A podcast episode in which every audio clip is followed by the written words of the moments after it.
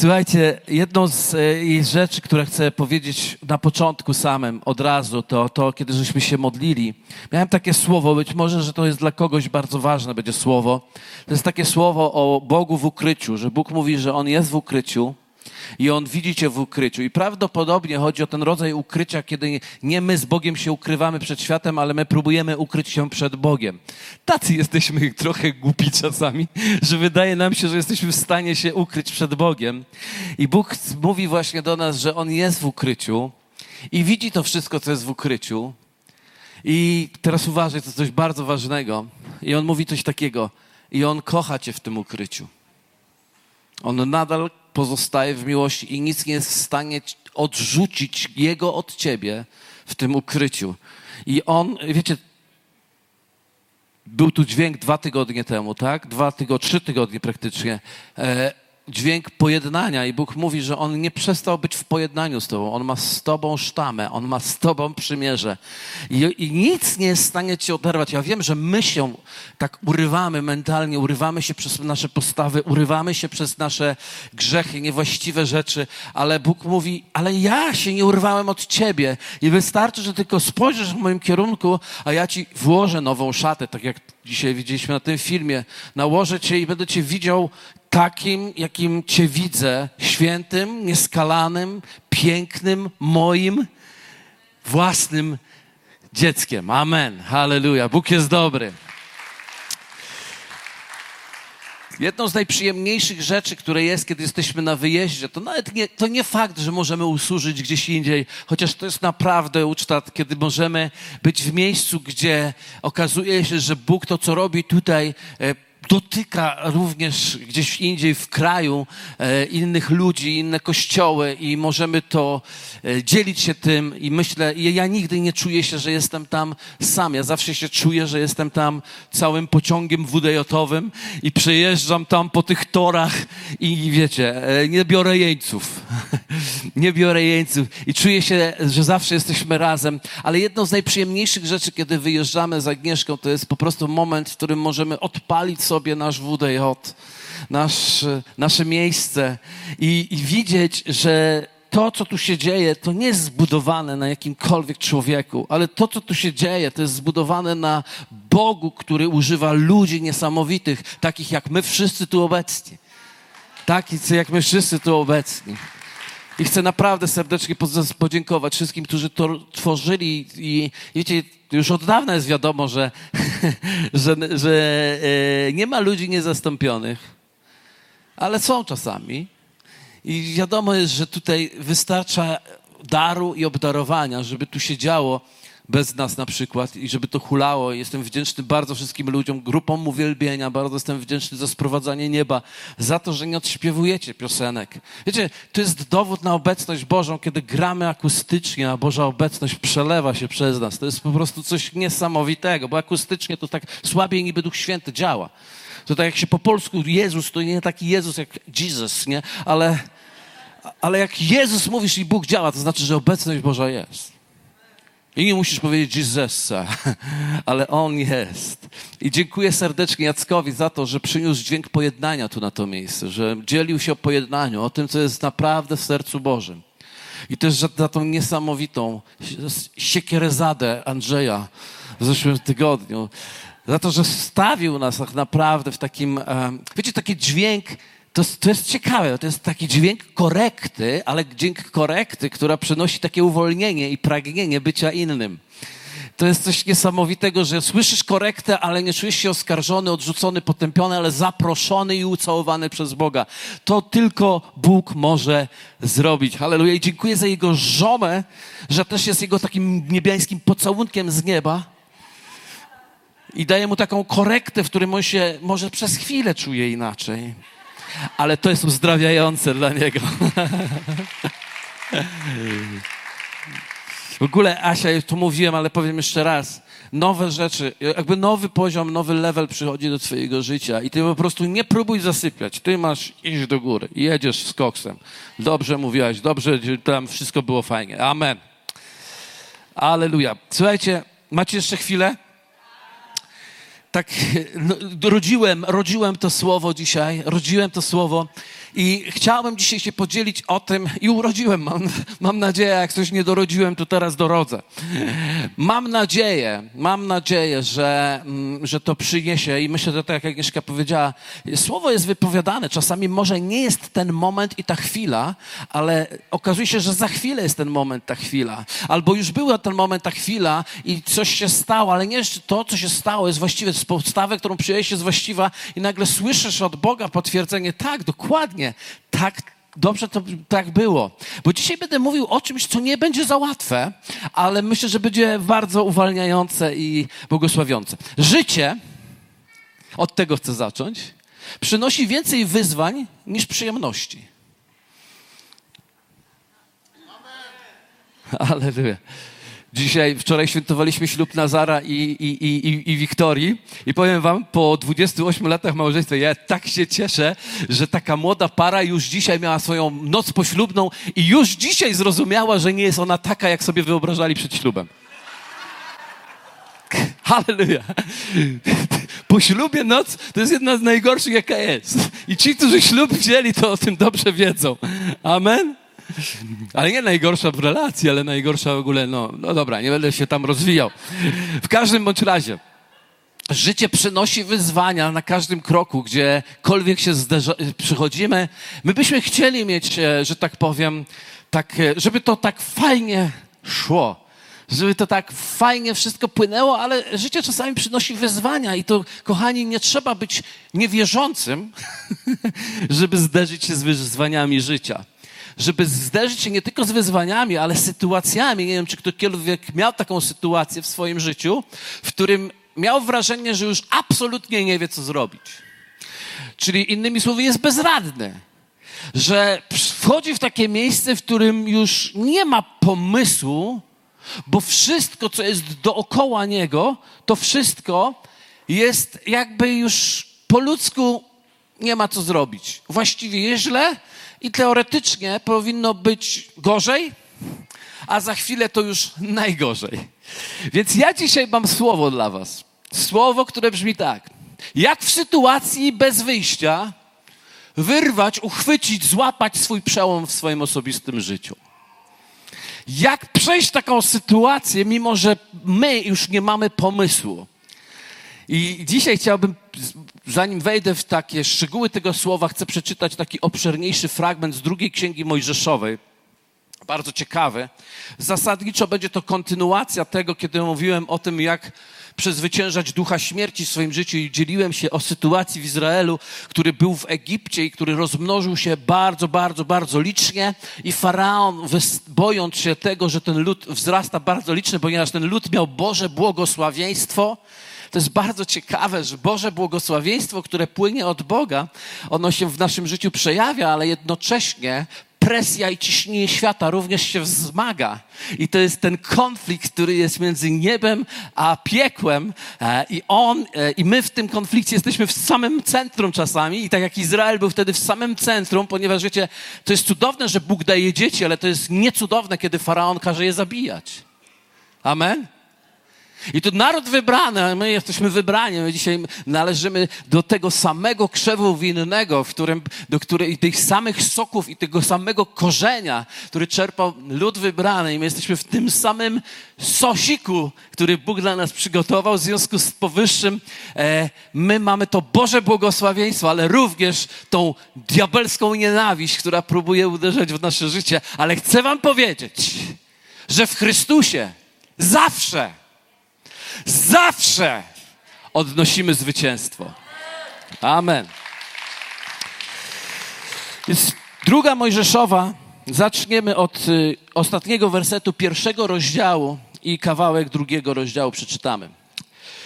Wtedy faraon nakazał całemu swojemu ludowi: Każdego chłopca, który urodzi się u Hebrajczyków, wrzućcie do Nilu, a każdą dziewczynkę pozostawcie przy życiu. A pewien mąż z rodu Lewiego poszedł i pojął za żonę córkę z rodu Lewiego. Kobieta ta poczęła i urodziła syna, a widząc, że jest piękny, ukrywała go przez trzy miesiące. A gdy nie mogła ukrywać go dłużej, sporządziła dla niego koszyk z trzciny, powlekła go żywicą i smołą, a włożywszy weń dziecko, położyła go w sitowiu na brzegu Nilu. Siostra zaś jego stanęła z daleka, by widzieć, co się z nim stanie. I zeszła córka faraona, aby się kąpać w Nilu. A służące jej przechadzały się nad brzegiem Nilu, gdy ujrzała koszyk w sitowiu, posłała swoją służącą, aby go przyniosła. A gdy go otworzyła, zobaczyła dziecko. A był to chłopiec, który płakał. I ulitowała się nad nim, mówiąc: Jest to jedno z dzieci hebrajskich. Wtedy siostra jego rzekła do córki faraona: Czy mam pójść i zawołać ci kobietę, mamkę hebrajską, by karmiła to dziecko? I rzekła do niej córka faraona: Idź. Dziewczyna poszła i zawołała matkę dziecka. I rzekła do niej: córka faraona, zabierz to dziecko i wykarm je, a ja dam ci należną zapłatę. Wzięła więc kobieta dziecko i wykarmiła je. A gdy dziecko podrosło, przyprowadziło je do córki faraona, ta zaśmiała go za syna i nazwała go Mojżesz, mówiąc: Wyciągnęłam go z wody. Historia bardzo znana. Historia o Mojżeszu. E, znamy ją najczęściej z różnych e, nawet bajek, już e, kolorowania nie jeden koszyk Mojżesza wykolorował i to, tą trzcinę, to sitowie, tą rzeczkę, tą córkę faraona. Ale chciałbym, zanim zacznę mówić o tym, chciałbym trochę nakreślić wam i dać wam taki troszkę pełniejszy obraz, troszeczkę może zmienię obraz tych filmów, które oglądaliśmy, bo to jest dosyć, dosyć ważna rzecz. Po pierwsze, to jest, tu jesteśmy zgodni i tu na pewno wszyscy wiemy, że to jest bardzo niedobry czas dla Izraela, który żyje mm, w Egipcie. Był moment, w którym Egipt był czasem wyzwolenia, ratunku i troski o Izrael. Ale w pewnym momencie z powodu rozmnożenia się, i o tym dobrze mówiliśmy dosyć szczegółowo parę tygodni temu, e, z tego powodu e, nastało prześladowanie, ciśnienie, presja, Faraon, który nie pamiętał Józefa, postanowił, wystraszył się. Wiecie, większość ataku nie jest dlatego, że nas ludzie nienawidzą. Większość ataku jest dlatego, że się ludzie boją. I więc on się wystraszył i, i zaczął prześladować i uderzać i atakować. I skończyło się tym, że wezwał cały lud Egiptu, aby pilnował, czyli całą masę ludzi, aby wyrywała dzieci straszny obraz. To jest straszny obraz. Ale żeby wyrywała chłopców z, z rąk matek ledwo urodzonych i wrzucała, i wrzucali je do Nilu. Aby tam ewidentnie umrzeć. I właściwie Nil, który, Nil oznacza rzeka po prostu.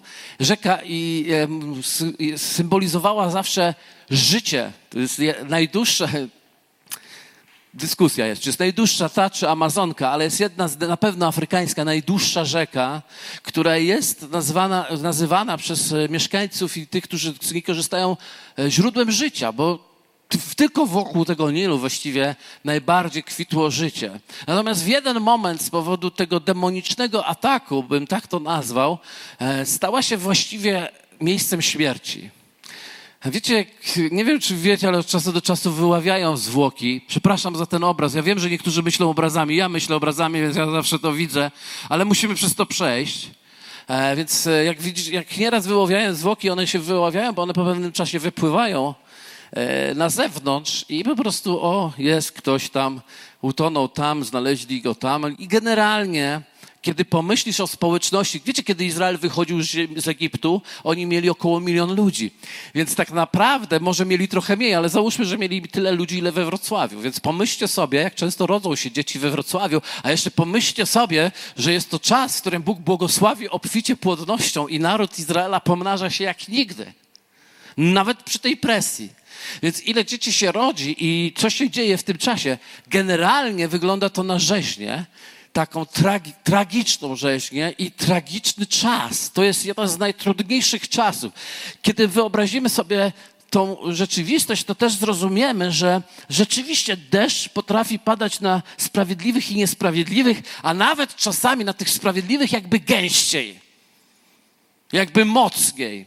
I tu jest taka sytuacja, kiedy tak się dzieje po prostu. Ci niesprawiedliwi spoko, ale ci sprawiedliwi doświadczają tragedii. Oto ich synowie lądują i nie jedno, nie jedno dziecko gdzieś na brzegu, gdzieś w Sitowiu, gdzieś w Trzcinach, po prostu martwe było widoczne. To była rzeka śmierci w tym czasie. Okej, okay, wyskakuję z tego obrazu, jeżeli pozwolicie, żeby nam dać pewien oddech. I w tym samym momencie nagle słyszymy historię. Nagle słyszymy historię o e, kobiecie Jachbet. Tak jak pamiętacie, e, tradycja żydowska dopatruje się w niej tą jedną z pielęgniarek, która, to ich położnych, która chroniła wcześniej to dzieci, która miała tą bojaźń Bożą e, i przezwyciężała tego ducha śmierci. I ona, prawdopodobnie ona, a jak nie, to, to nie przeszkadza nam w dzisiejszym kazaniu, to urodziła syna. Konkretnie rzecz mówiąc, jak już wiemy, to Mojżesza. Urodziła go i ponieważ była osobą, która bardziej bała się Boga aniżeli ludzi, w związku z tym ukryła Mojżesza i starała się go nie ukryć. Ale Mojżesz nie był taki jak na przykład moja wnuczka Maja. Po prostu płakał.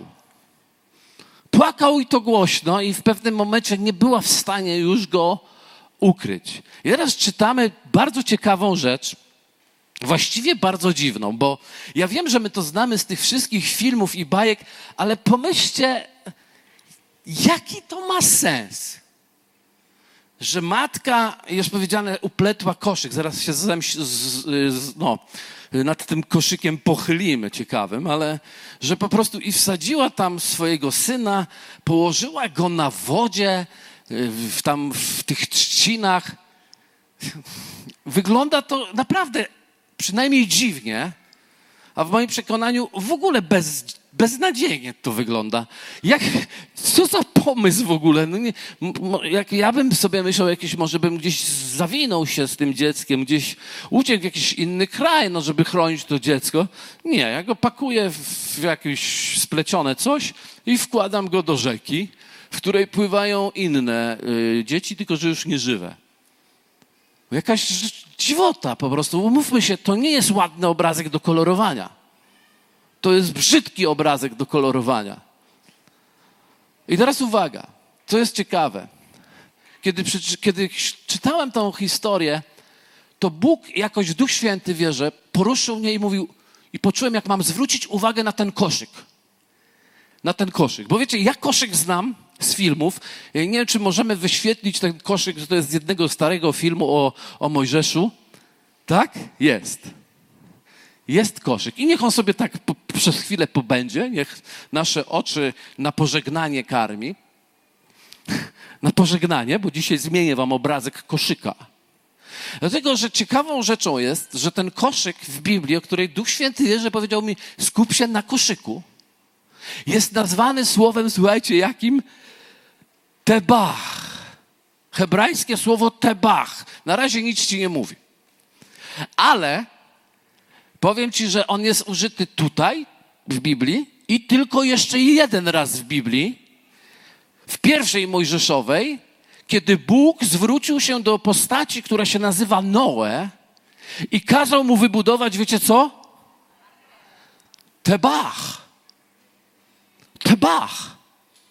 My to oczywiście przetłumaczyliśmy sobie arka, cokolwiek to znaczy, ale mi się bardziej podoba tebach, ponieważ ja szukałem rozwiązania na to słowo tebach. Próbowałem czytać, co może znaczyć tebach. I tak naprawdę jedyne, do czego doszedłem, to to, to, to że to, się, to można by nazwać coś. Albo inaczej, coś dziwnego. Coś dziwnego na wodzie. Więc kiedy przyszedł Bóg do Noego i, i powiedział mu buduj Tebach, czyli tą nam znaną arkę, to uwierzcie mi, że nikt nie miał zielonego pojęcia, co on miał budować. I Noe nie wiedział, co miał budować. On usłyszał Tebach, on w statku, on łódki, on nic nie widział wtedy. Nie znał. Ale Bóg mówi, teraz wybudujesz mi Tebach zgodnie z moim wzorem. I Noe budował Tebach zgodnie z Bożym wzorem, zgodnie z wymiarami i to, co Bóg mu mówił, dokładnie budował i wybudował. Co wybudował? Tebach. Ludzie patrzyli na, na to i mówili, gościu się poprzewracał i wybudował Tebach. Co oznaczało w ich języku i w ich zrozumieniu nie wiadomo co, byle co, coś dziwnego, coś nie takiego. Więc drugi raz to samo słowo już nigdzie indziej nie jest użyte. To jest to, kiedy jest napisane, że upletła koszyk. Wiecie, to jest ładny koszyk. Nawet e, wpisałem w internet i okazuje się, że ja nie wiedziałem, że jest koszyk Mojżesza dla dzieci. To są takie różne, plecione, piękne koszyki, które możesz nabyć dla swojego milusińskiego. Tymczasem to nie jest piękny koszyk Mojżesza z Allegro, tylko to był Tebach. I kiedy zacząłem w to wchodzić, to doszedłem do wniosku, że to nie był koszyk, tylko dokładnie wiecie, co to było? Tebach. I zobaczyłem inny, e, inną plecionkę i nie mogłem jej znaleźć ani sam wyprodukować, bo to było to Tebach, a ja nigdy nie widziałem. Widziałeś Tebach kiedyś? Hebrajczycy też nie widzieli Tebach. Nikt nie znał Tebach. Więc wyszło mi i znalazłem coś na wzór. Pokażmy to. Przedstawiam Państwu Tebach autorstwa Adama Piątkowskiego. Czyli coś dziwnego. Jakieś trzciny plątanina. Swoją drogą ciekawostka, to jest roślinka zmartwychwstanka. Nie wiem, czy znacie taką roślinkę, zmartwychwstankę, naprawdę ona się tak nazywa. Ona może być totalnie sucha, miesiącami nie mieć nic wody i, i wyglądać tak. Kiedy ją tylko wrzucisz na wodę, ona rozkwitnie jak piękny kwiat. Ożyje, zmartwychwstanka. Jak sama nazwa wskazuje. Ale zapomnijmy o zmartwychwstance, to była ciekawostka. To jest to, co upletła gdzieś około. gdzieś około matka Mojżesza. A jeszcze ciekawostką, my tu pięknie też czytamy, że ona wypełniła to żywicą i smołą. No to w oryginale to brzmi troszkę inaczej, dlatego że ten tebach był jeszcze oklejony szlamem. Absolutnie szlam, czyli ten cały brud rzeczny i smołą. I w tym czymś tebach, tym czymś dziwnym, oklejonym szlamem i smołą wsadziła Mojżesza może mu tam prześcieradełko jakieś włożyła, ale myślę, że wątpię. I wsadziła Mojżesza i położyła w sitowiu. I to jest bardzo ciekawe. I kiedy córka faraona przyszła kąpać się w Nilu, też miała po prostu upodobania.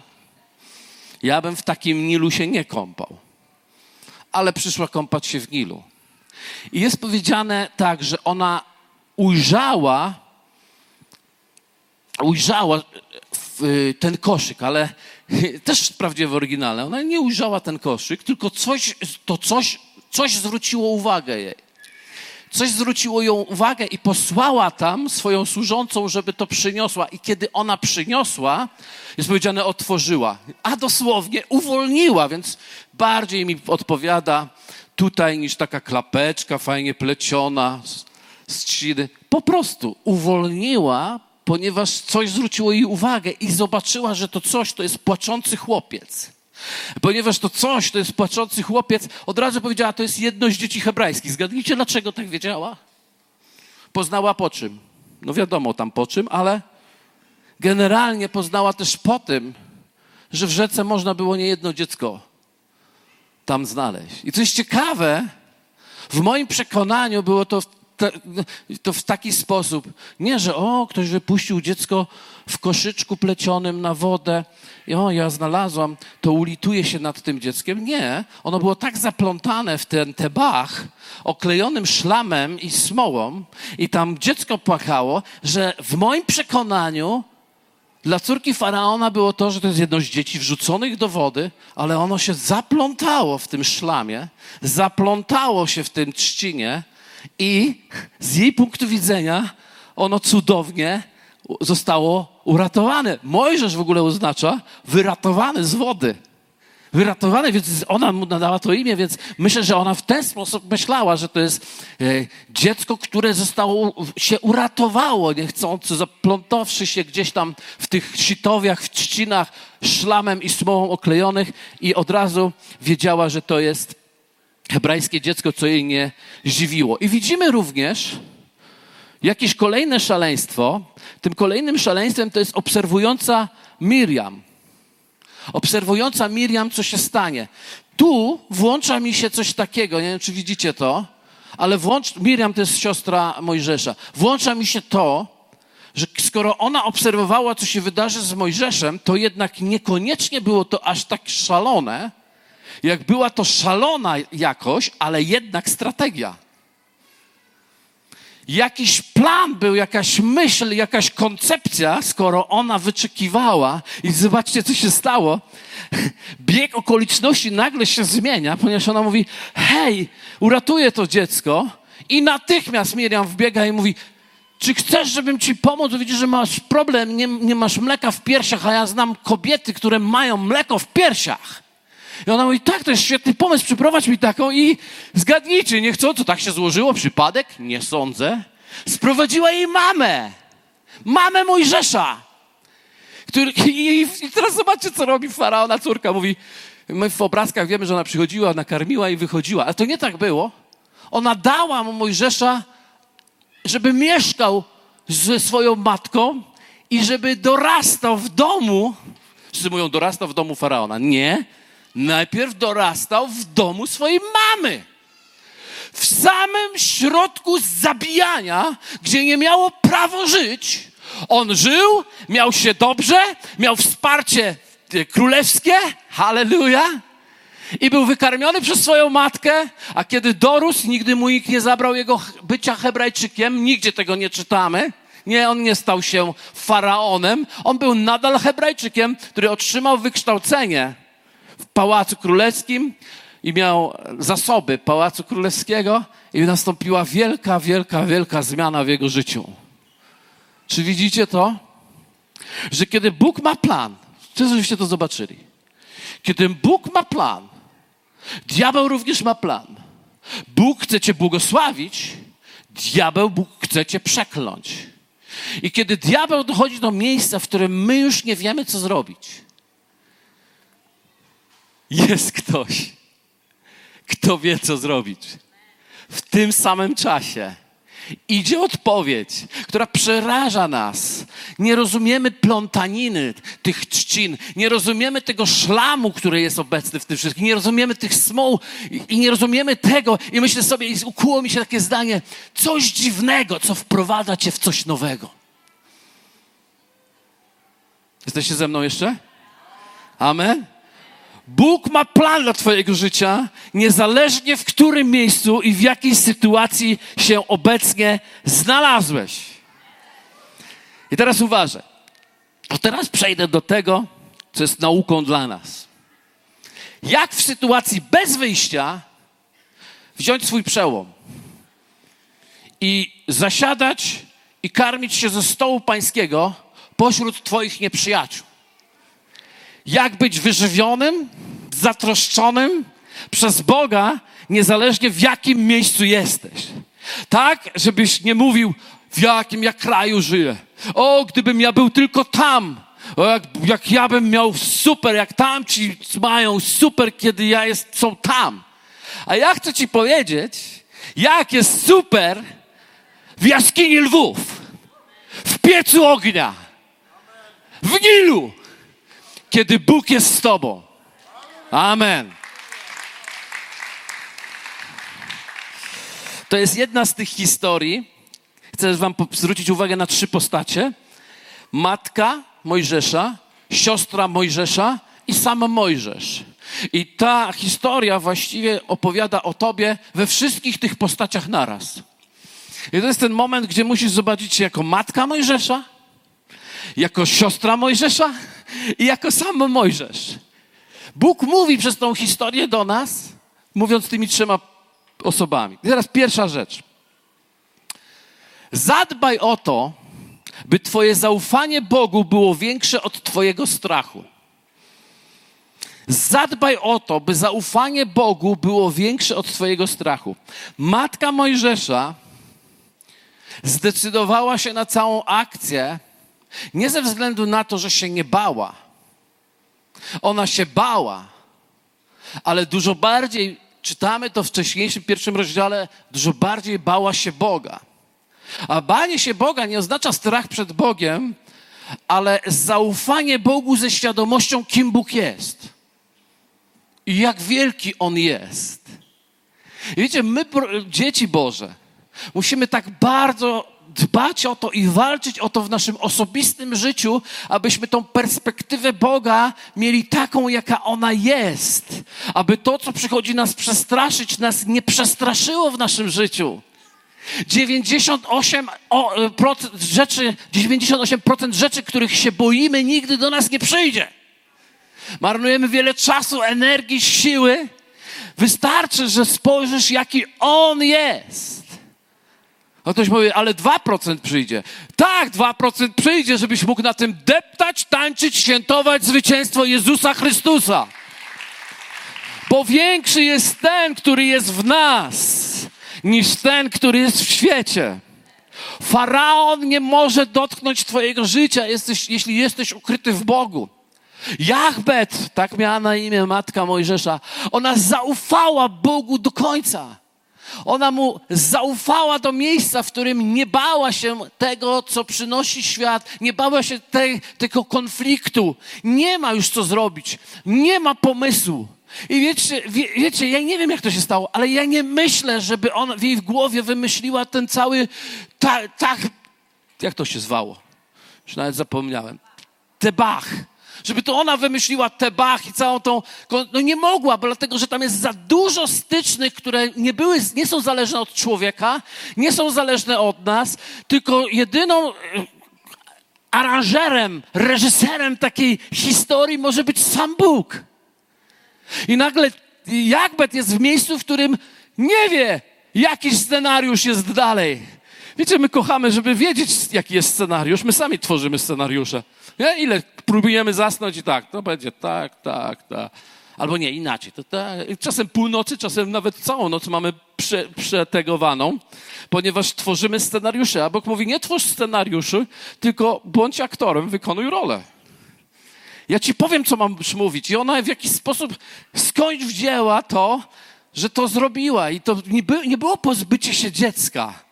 Bo Miriam jest na to dowodem, że to nie było pozbycie się dziecka, bo ona obserwowała, co będzie dalej. Więc nasze zaufanie Bogu musi być większe niż nasz strach. Ktoś powie, ale ten strach jest tak duży, że ja nie, nie potrafię ufać. Potrzebujemy więcej być z Bogiem, więcej uwielbiać Boga. Wiecie, jak będziemy na takich uwielbieniach jak dzisiaj, Nigdy nie wyjdziemy przestraszeni. Zawsze wyjdziemy wzmocnieni. Bo kiedy Go uwielbiamy, kiedy się modlimy, kiedy mówimy językami, mówimy o wielkości, potędze Boga w nas i widzimy Go zupełnie duchowymi, innymi oczami. I może przed wejściem byłeś jak zdepnięty karton po herbatnikach, ale teraz, kiedy wychodzisz, jesteś Jego gerojem. Jesteś Jego bohaterem. A ktoś, a diabeł powie, ale ty jesteś słaby. A ty powiesz, ale Bóg powiedział, kto słaby, niech powie, jestem bohaterem. Bo wiecie, my nie jesteśmy silni swoją siłą. I Bogu dzięki. Ale jesteśmy silni Jego mocą. Jego mocą. Nie naszymi rozwiązaniami. I takie momenty go przyciągają, kiedy my już nie wiemy, co zrobić. On przychodzi, a my mu ufamy jedyne co robimy, to wiemy, że On jest większy. Nie wiem jak, ale wiem, że na pewno. Nie wiem jak, ale wiem, że na pewno przyjdzie z rozwiązaniem. Druga rzecz. Bądź gotowy na niestandardowe rozwiązania. Bądź gotowy na niestandardowe. Duch Święty przyjdzie zawsze. Za każdym razem przyjdzie. I podpowie ci coś, co będzie przeciwne takiej czasami naszemu poczuciu bezpieczeństwa. On czasami wypchnie nas w miejsca, w które będzie, zachęci nas, abyśmy byli odważni. Innymi słowy mogę powiedzieć, stań się odważnym, aby zrobić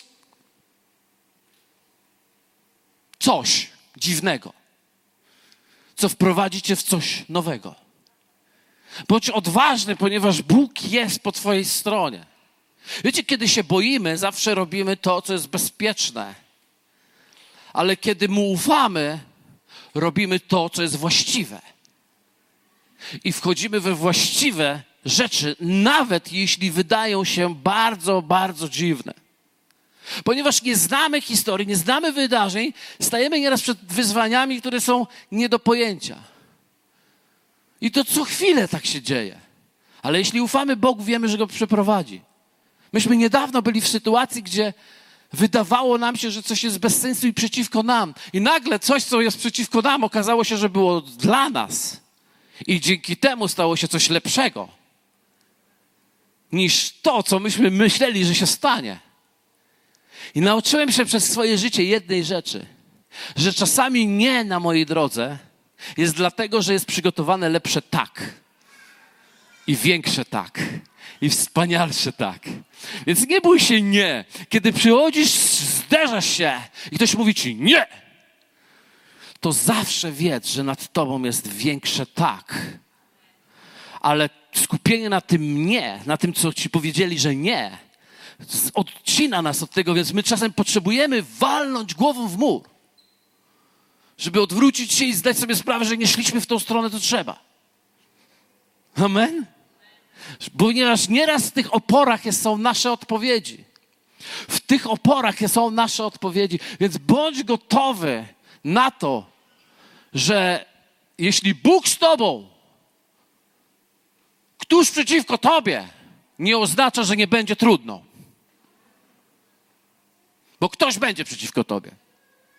Ale większy jest ten, który jest w nas, od tego, który jest w świecie. Aleluja. Aleluja, powiedziałem. I trzecia rzecz, niesamowita.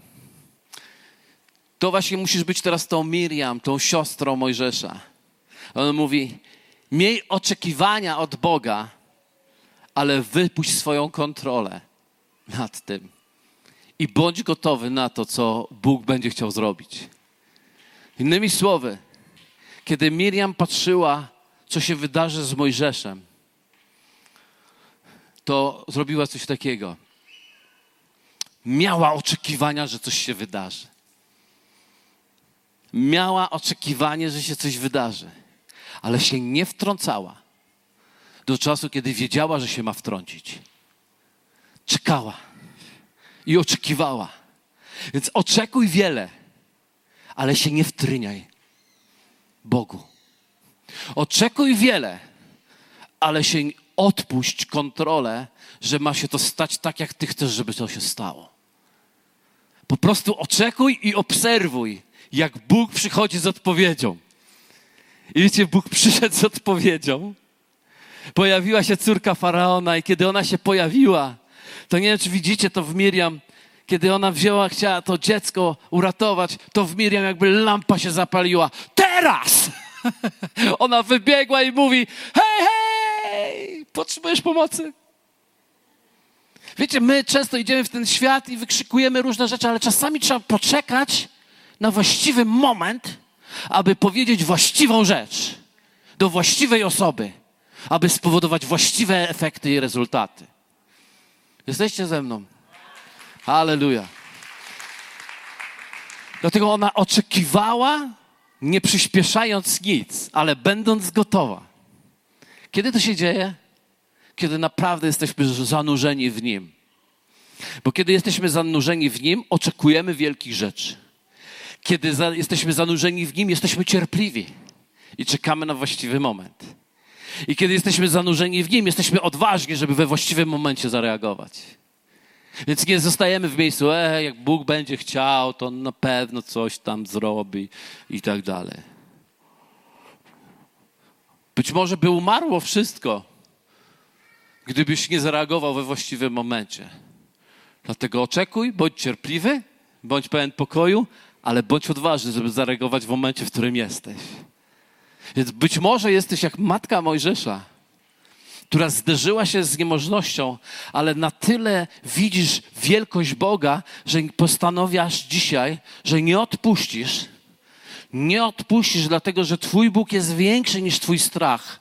Twój Bóg jest większy niż Twoje nie, nie da się lub nie da rady. Jest jakieś da radę, tylko że ono jest w Bogu, więc nie odpuszczaj, bo często wiele tracimy odpuszczając, bo mówimy nie da rady. Przestań człowieku, kimże jesteś, aby mówić do Boga nie da rady.